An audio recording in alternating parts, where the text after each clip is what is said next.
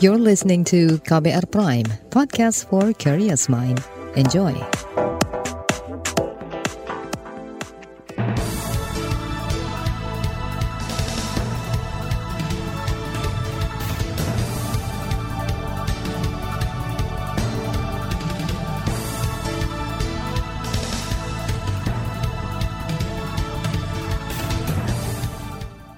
Selamat pagi, saudara. Senang sekali bisa menjumpai Anda kembali melalui program Buletin Pagi edisi Jumat 30 Desember 2022. Saya Malika. Sejumlah informasi pilihan telah kami siapkan di antaranya pemerintah optimis ekonomi tahun depan tetap stabil. Tim PP HAM minta Jokowi akui pelanggaran HAM berat masa lalu. Presiden dorong peningkatan produktivitas pertanian di Sumbawa. Inilah Buletin Pagi selengkapnya. Terbaru di Buletin Pagi. Saudara pemerintah optimistis ekonomi Indonesia bakal terus tumbuh pada 2023 di tengah situasi ekonomi global yang diperkirakan memburuk. Staf khusus Menteri Keuangan Justinus Prastowo menyebut indikator ekonomi Indonesia menuju pada arah kebijakan yang tepat. Ia optimistis ekonomi tahun depan bakal tumbuh di kisaran 5 persen. Pemerintah terus mendorong sumber pertumbuhan ekonomi, salah satunya konsumsi rumah tangga. Belanja berkualitas spending better dengan pertumbuhan nominal yang semakin rendah, tetapi capaian atau efektivitas yang semakin tinggi. Pemerintah fokus sumber-sumber pertumbuhan ekonomi terus diperhatikan, baik sisi konsumsi, investasi, lalu insentif, dan juga belanja pemerintah yang mendukung investasi yang lebih besar.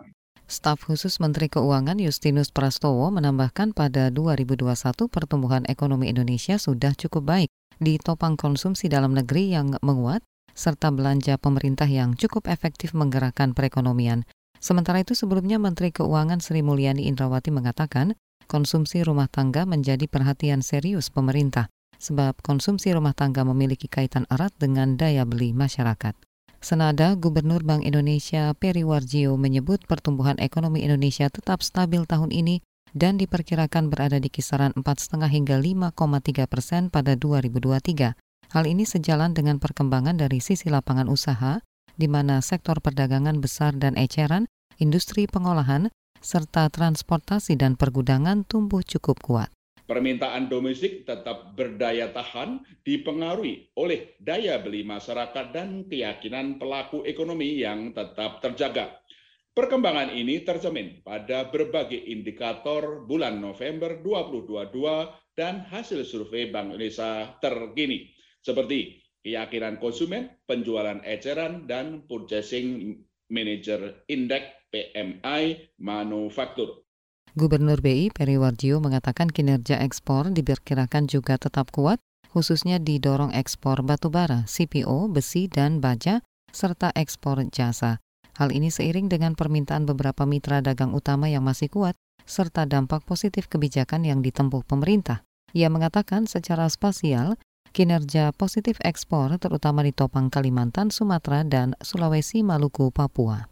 Sementara itu, anggota Komisi Bidang Ekonomi DPR fraksi PKS Ahmad Junaidi Auli mengatakan pemerintah perlu melakukan beberapa hal agar daya beli masyarakat tetap terjaga di tengah ancaman resesi tahun depan. Di antaranya pemerintah perlu melakukan penurunan suku bunga acuan Bank Indonesia. Hal ini diharapkan bisa menggairahkan dunia usaha. Bagaimana menggairahkan program pembangunan infrastruktur desa karena uh, dengan adanya uh, pembangunan infrastruktur desa itu mungkin potensi desa potensi lokal bisa lebih termanfaatkan sehingga apa daya belinya masyarakat itu bisa lebih baik lagi. Selanjutnya, kata Junaidi, pemerintah juga perlu membuka banyak lapangan kerja baru untuk meningkatkan daya beli masyarakat. Selain itu, pemerintah perlu meningkatkan batas penghasilan tidak kena pajak atau PTKP yang saat ini berkisar di angka 4,5 juta rupiah per bulan atau sekitar 54 juta per tahun. Guna menjaga daya beli masyarakat tahun depan, Direktur Eksekutif Lembaga Kajian Ekonomi Indef Tauhid Ahmad menilai pemerintah perlu memperhatikan sejumlah hal terutama menjaga inflasi tetap rendah, utamanya pada komoditas volatil food seperti beras, cabai, bawang merah, dan komoditas pangan lainnya konsumsi masyarakat agar tidak tergerus paling tidak adalah mempertahankan inflasi tetap rendah. Karena kalau cenderung pendapatan masyarakat itu cenderung banyak di menengah bawah itu relatif konstan sementara inflasinya bisa lebih tinggi gitu. Mereka siap misalnya kan bisa menerima eh, kenaikan inflasi 3%. Begitu di atas itu ya daya beli ter tergerus begitu ya kayak kemarin 5,3, 5,4 itu jelas daya beli masyarakat tergerus. Jadi inflasinya harus tetap rendah lah di bawah 3. Direktur Eksekutif Lembaga Kajian Ekonomi Indef Tauhid Ahmad juga meminta pemerintah menjaga kenaikan upah yang stabil dan memberi kepastian peningkatan pendapatan baik untuk sektor formal maupun informal. Indef memprediksi dengan berbagai hambatan eksternal dan tantangan global, ekonomi Indonesia hanya akan tumbuh 4,8 persen di 2023. Saudara tim PPHAM minta Jokowi akui pelanggaran HAM berat masa lalu. Informasinya hadir usai jeda, tetaplah di Buletin Pagi KBR. You're listening to KBR Pride, podcast for curious mind. Enjoy!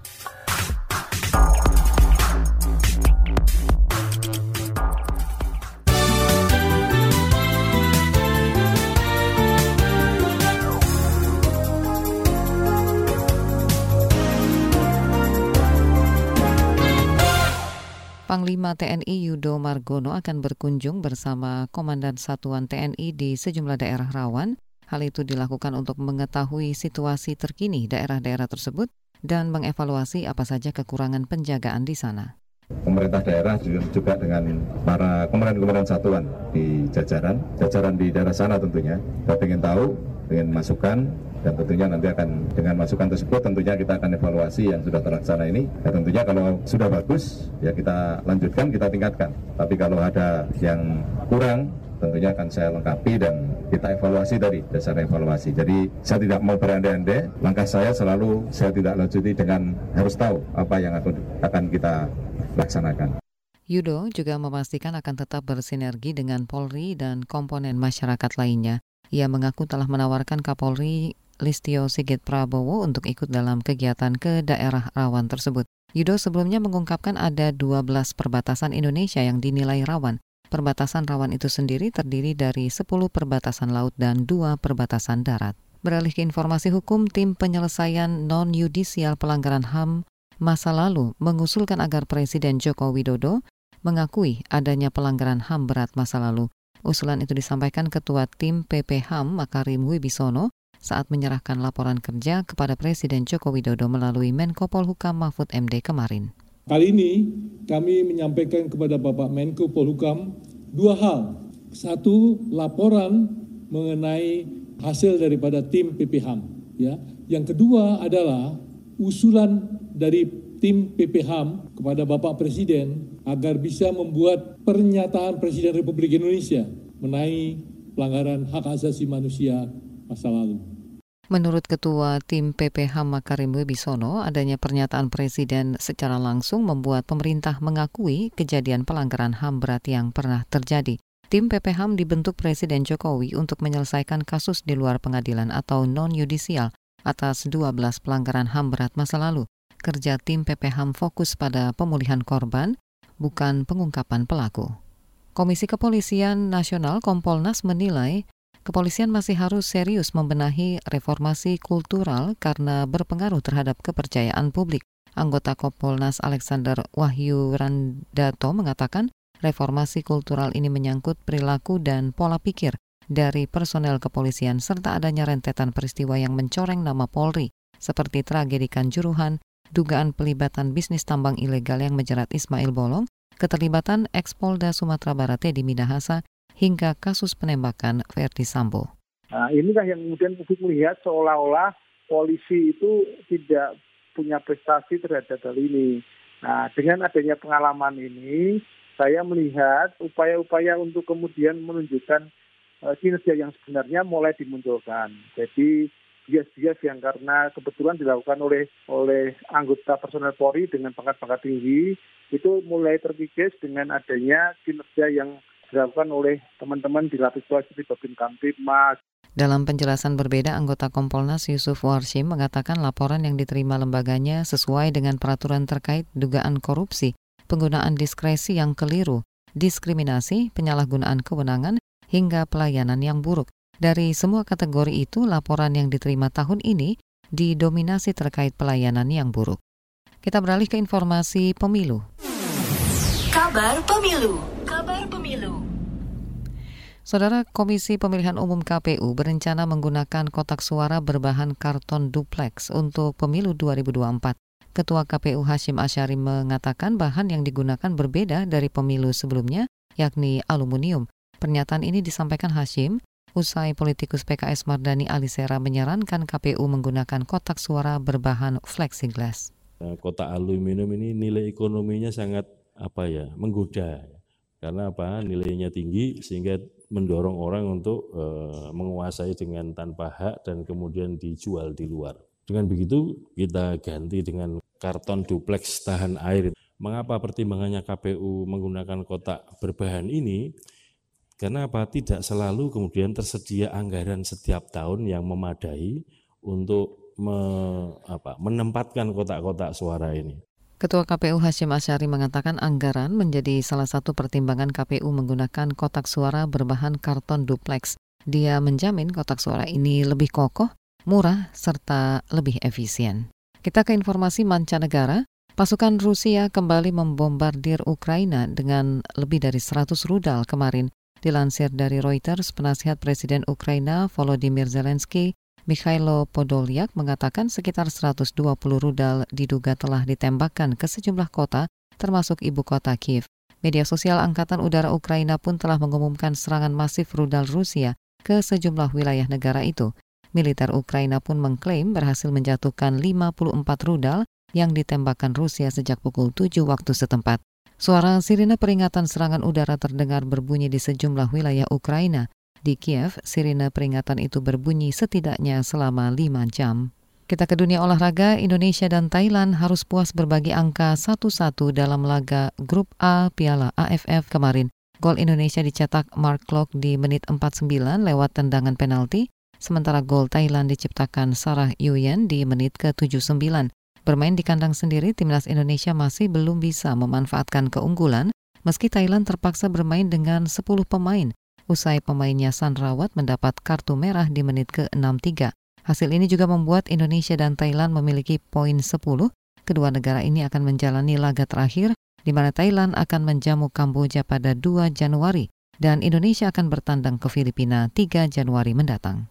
Di bagian berikutnya kami hadirkan laporan khas KBR tentang rawan korupsi, seleksi Hakim Agung kian selektif. Tetaplah di Buletin Pagi KBR. You're listening to KBR Pride, podcast for curious mind. Enjoy!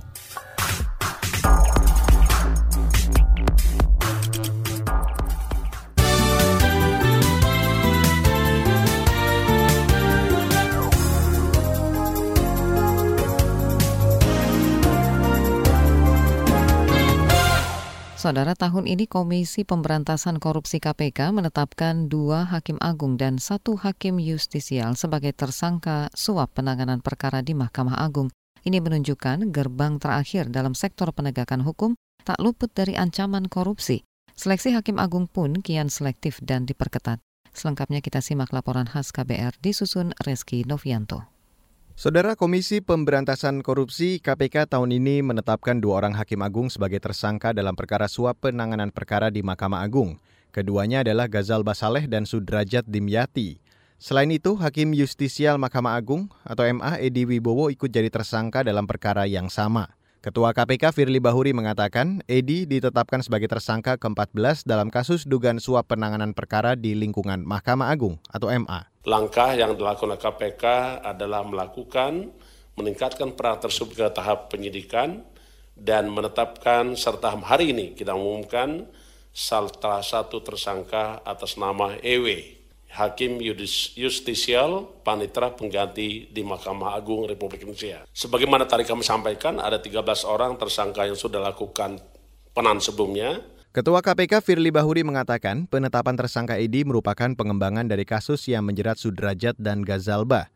KPK menduga ada uang sekitar 202 ribu Singapura dolar atau setara 2 miliar rupiah untuk mengurus perkara pidana dan perdata KSP inti dana. Kasus yang menjerat sejumlah hakim di Mahkamah Agung ini memaksa Komisi Yudisial atau KY untuk memperketat proses seleksi calon hakim agung. Ketua KY Mukti Fajar Nur Dewata mengatakan, lembaganya bakal melibatkan KPK dan Pusat Pelaporan dan Analisis Transaksi Keuangan atau PPATK dalam menggali rekam jejak calon hakim agung setiap tahapan seleksi itu kita tingkatkan kualitas misalnya dari soal-soalnya, kemudian pada profil asesmennya, kemudian rekam jejaknya. Ini kita perdalam supaya kita mendapatkan data yang lebih utuh. Kita bekerja sama dengan lembaga-lembaga lain, KPK, PPATK, kemudian dengan teman-teman LSM, kemudian juga dengan akademisi-akademisi dan sebagainya. Ini kita sebar dari informan-informan dan untuk mendapatkan rekam jejak yang lebih valid. Pernyataan Mukti diperkuat komisioner KY lainnya Bin Ziyad Kadafi. Ia memastikan KY pihaknya akan menganalisis calon secara selektif untuk mendapat profil dan integritas para calon. Uh, track record para calon uh, dari berbagai aspek, terutama dari aspek integritas, itu akan dilakukan secara komprehensif, detail, dan uh, sangat ketat, di mana tidak hanya para investigator yang dimiliki oleh KY yang akan turun, uh, mengoptimalkan berbagai apa masukan pendapat dari masyarakat, masukan uh, serta data dari berbagai lembaga ya uh, yang bisa membantu KAI untuk mendapatkan profil. Kalangan parlemen turut bersuara mengenai terciduknya Hakim Agung akibat praktik rasuah. Anggota Komisi Bidang Hukum DPR Taufik Basari mengatakan, penetapan Hakim Agung sebagai tersangka dugaan korupsi harus menjadi momentum perbaikan tata kelola pengawasan lembaga peradilan karena dari hasil penyidikan ini kita harapkan akan ada gambaran mengenai praktek mafia hukum yang terjadi di tubuh Mahkamah Agung dan kemudian pola praktek ini bisa dipelajari oleh Mahkamah Agung dan Komisi Judisial untuk melihat persoalannya ada di mana, problem-problemnya mulainya dari mana untuk kita melakukan pembenahan. Taufik mengatakan pembenahan yang dilakukan mesti dari hulu ke hilir untuk membongkar adanya mafia peradilan mulai dari rekrutmen hingga pemantauan terhadap personel-personel hakim di seluruh Indonesia. Di sisi lain, Pusat Kajian Anti Korupsi Universitas Gajah Mada atau PUKAT UGM mendesak KPK terus menyelidiki dugaan keterlibatan Hakim Agung dalam pusaran praktik suap. Selain itu, peneliti PUKAT UGM Zainur Rohman turut mendorong agar pola rekrutmen diperbaiki agar kejadian serupa tidak terulang lagi dalam setiap majelis yang mengadili sebuah perkara di Mahkamah Agung itu kan terdiri dari minimal setidaknya adalah tiga orang anggota dan satu ketua gitu ya. Artinya untuk bisa membeli sebuah putusan tidak-tidaknya maka harus menyuap dua dari tiga. Karena hanya menyuap satu kemungkinan kan untuk bisa membeli putusan tersebut sangat kecil. Sehingga KPK perlu untuk meneliti anggota-anggota majelis lain yang ada di dalam perkara-perkara yang ditangani oleh dua orang hakim agung yang telah menjadi tersangka ini. Demikian laporan khas KBR disusun Reski Novianto, saya Reski Mesanto. Informasi dari daerah akan hadir usai jeda, tetaplah di Buletin Pagi KBR. You're listening to KBR Pride, podcast for curious mind. Enjoy!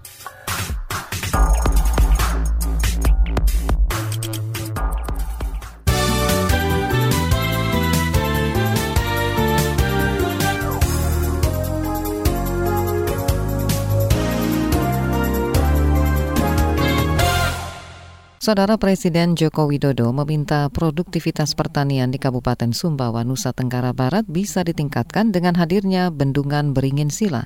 Bendungan itu dibangun dengan anggaran 1,7 triliun rupiah. Ini disampaikan Jokowi usai meresmikan bendungan tersebut kemarin.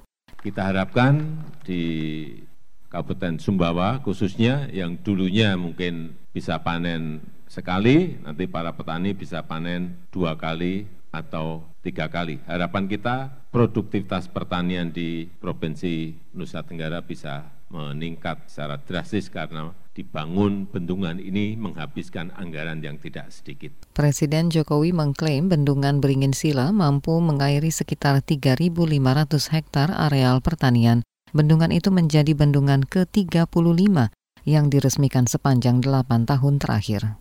Kepala Kepolisian Daerah Kapolda Papua Matius Fahiri menyebut kelompok bersenjata masih menjadi ancaman besar di Papua. Meski begitu, menurutnya Polda Papua dan jajarannya bersama TNI terus berupaya menekan kasus kekerasan yang dilakukan kelompok tersebut. Salah satunya berusaha memutus mata rantai perdagangan senjata api dan amunisi terhadap kelompok bersenjata.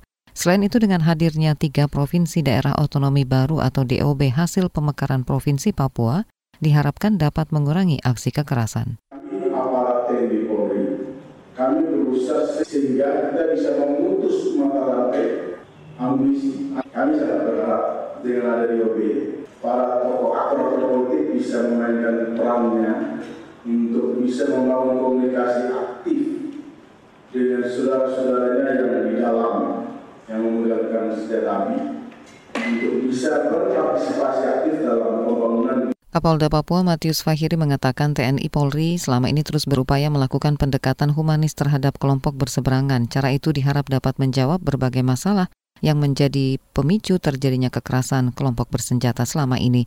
Akan tetapi menurutnya pemerintah daerah, tokoh politik dan tokoh adat di wilayah rawan konflik mesti menjadi pihak terdepan yang membantu polisi. Jelang akhir tahun, wisatawan mulai memadati destinasi wisata di daerah istimewa Yogyakarta Kepala Pelaksana Badan Penanggulangan Bencana Daerah BPBD DIY Biwara Yuswantana meminta pelaku wisata meningkatkan upaya mitigasi bencana agar wisatawan bisa berwisata dengan aman dan nyaman. Tapi juga yang menjadi tidak kalah pentingnya pelaku wisata juga diharapkan juga mempunyai mempunyai pemahaman tentang hal-hal yang harus dilakukan apabila ada kedaruratan. Itu misalnya kemudian oh, pengunjungnya sangat banyak itu uh, plan-plannya seperti apa uh, prosesnya untuk mengatur itu. Kepala Pelaksana BPBD DIY Biwara Yuswantana menambahkan jika terjadi hal-hal kedaruratan di destinasi wisata, pengelola wisata harus memahami dan menyiapkan kebutuhan untuk proses kedaruratan, seperti titik kumpul yang telah ditentukan, jalur evakuasi, pintu keluar, dan lain sebagainya. Ia menambahkan potensi cuaca ekstrim diprediksi terjadi hingga Februari 2023 Informasi tadi menutup jumpa kita di Buletin Pagi hari ini. Pantau terus informasi terbaru melalui kabar baru, situs kbr.id, Twitter kami di akun @beritaKBR, serta podcast di alamat kbrprime.id. Saya Malika bersama tim yang bertugas undur diri. Salam.